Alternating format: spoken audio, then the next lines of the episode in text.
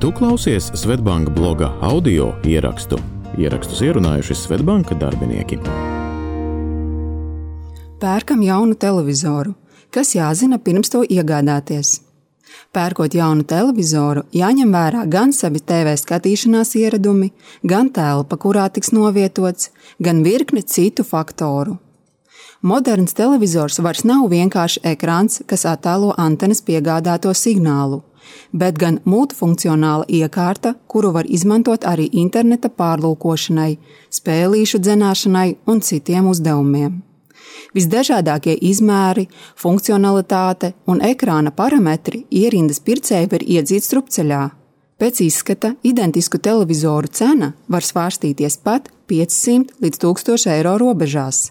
Kā orientēties televizoru džungļos un nopirkt katram piemērotāko, stāsta TET tehnikas biznesa līnijas vadītājs Pāvils Degtjārevs. Cik lielu televizoru pirkt? Ekrāna izmērs ir viens no cenas faktoriem, bet vienlaikus jāņem vērā arī telpa, kurā iekārtu novietosiet. Jo lielāks ekrāns, jo tālāk no tā jāsēž, lai varētu uztvert kopainu. Tas gan nenozīmē, ka visiem Hruščauku iemītniekiem jāsamierinās ar sīkakrāna televizoriem. Piemēram, 55 colu televizoru var ērti skatīties no 1,7 līdz 2,3 metru attālumā, atkarībā no satura.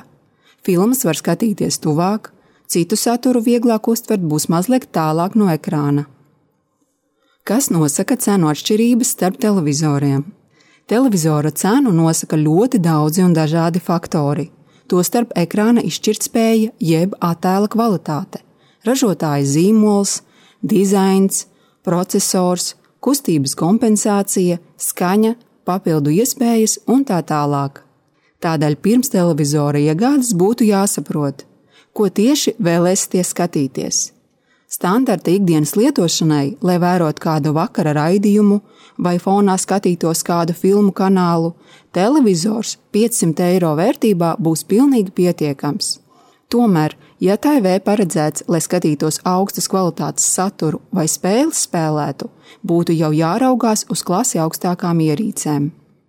Viens no būtiskākajiem ietekmējošajiem faktoriem ir herci, jeb vienkāršāk attēla asums un kustības kompensācija, kādu nodrošina attiecīgais televizors. Jo vairāk hercu, jo bilde būs asāka, un pie straujām kustībām attēls spēs maigāk pārlikt no viena kadra uz citu. Būtībā mazāk tiks kropļots attēls. Lielākoties visiem televizoriem, kas izmaksā ap 500 eiro, faktiskā kustības kompensācija būs 50 Hz, attiecīgi dārgākiem jau 100. Arī TV processors nosaka attēla kvalitāti, kopējo televizora darbības ātrumu un cenu.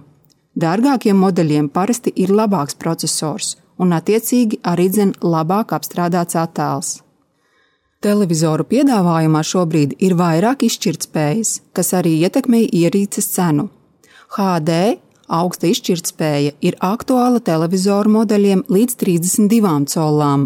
Līdzīgi ar dažiem izņēmumiem ir arī Full HD izšķirtspējas televizoriem. Augstākas klases, Ultra HD vai 4K izšķirtspēja šobrīd lielākoties ir pieejama visos televizoros ar 43 colu vai lielākiem ekrāniem. Pagaidām 4K izšķirtspējas saturs ir maz izplatīts un baudāms galvenokārt filmu vērošanai, taču tas kļūst arvien populārāks un tā izplatība ir tikai laika jautājums. Katrā ziņā cenu starpība starp 4K un Full HD televizoriem ir niecīga. Šobrīd pieejamā augstā izšķirtspēja ir 8K, kas tiek nodrošināta pašos jaunākajos TV modeļos Cenas šādiem televizoriem ir ļoti augstas, un jāatzīst, ka pagaidām satura piedāvājums nav ticis līdzi. Nu jau par standartu vismaz televizoriem ar 43 plus colu ekrānu kļuvusi Smart TV funkcionalitāte, kas papildus jau ierastajiem TV ekrāniem ļauj ērti izmantot dažādas papildu aplikācijas, jeb lietotnes līdzīgi kā viettelefonos, gan filmu, seriālu un cita satura vērošanai, gan spēlēm un citām izklaides iespējām. Ekrāna tehnoloģijas, ar ko tās atšķiras. LED LCD tehnoloģija izmanto gaismas diodes ekrāna izgaismošanai. LCD ir standarta šķidro kristālu televizors. Šīs tehnoloģijas dēļ LCD televizoros būs pamanāmas attēla nepilnības, rādot strauju kustību, piemēram, sporta pārraidēs, kā arī melno krāsu skatītājs redz kā tumši pelēku. Ar OLED tehnoloģiju aprīkotajos modeļos pikseļi izgaismo sevi pašu, kas nozīmē, ka tiem ir dzidrāks un krāsaināks attēls un ir redzams perfekts melnais tonis. Jāņem vērā, ka attēls tiem ir izteikti spilgts, modeļi ir ļoti plāni.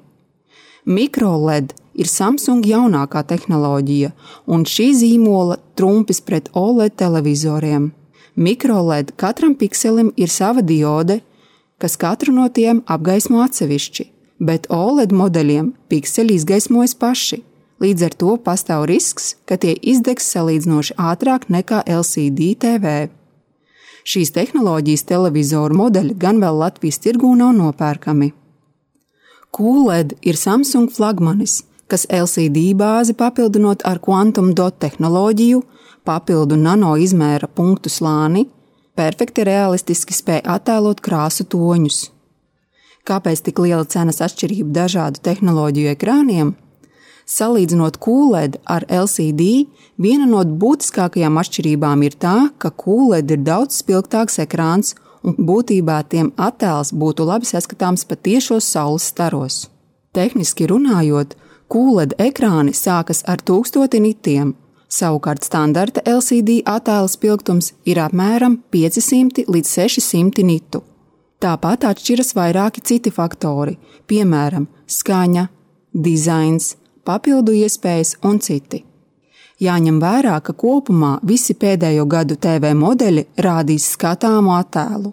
Viss atkarīgs no klienta vajadzībām un tā, cik ļoti viņu interesē dažādas nianses attēlā un skaņā. Skaņa tikpat svarīga kā attēls. Nav jāuztraucas, ka kāds no televizoriem būs pārāk kluss, jo tā cena ir zemāka. Būtībā visi TV modeļi būs pietiekami skaļi Atšķirība būs skaņas kvalitātē, basos un skaņas protokolos. Vairums augstākās klases TV atbalsta DTS premium audio tehnoloģisko standartu. Savukārt augstāko standartu Dolby Atmos atbalsta tikai LG. Tāpat ir dažādi citi audio kvalitātes standarti. Arī filmu ražotāji izmanto kādu no standartiem.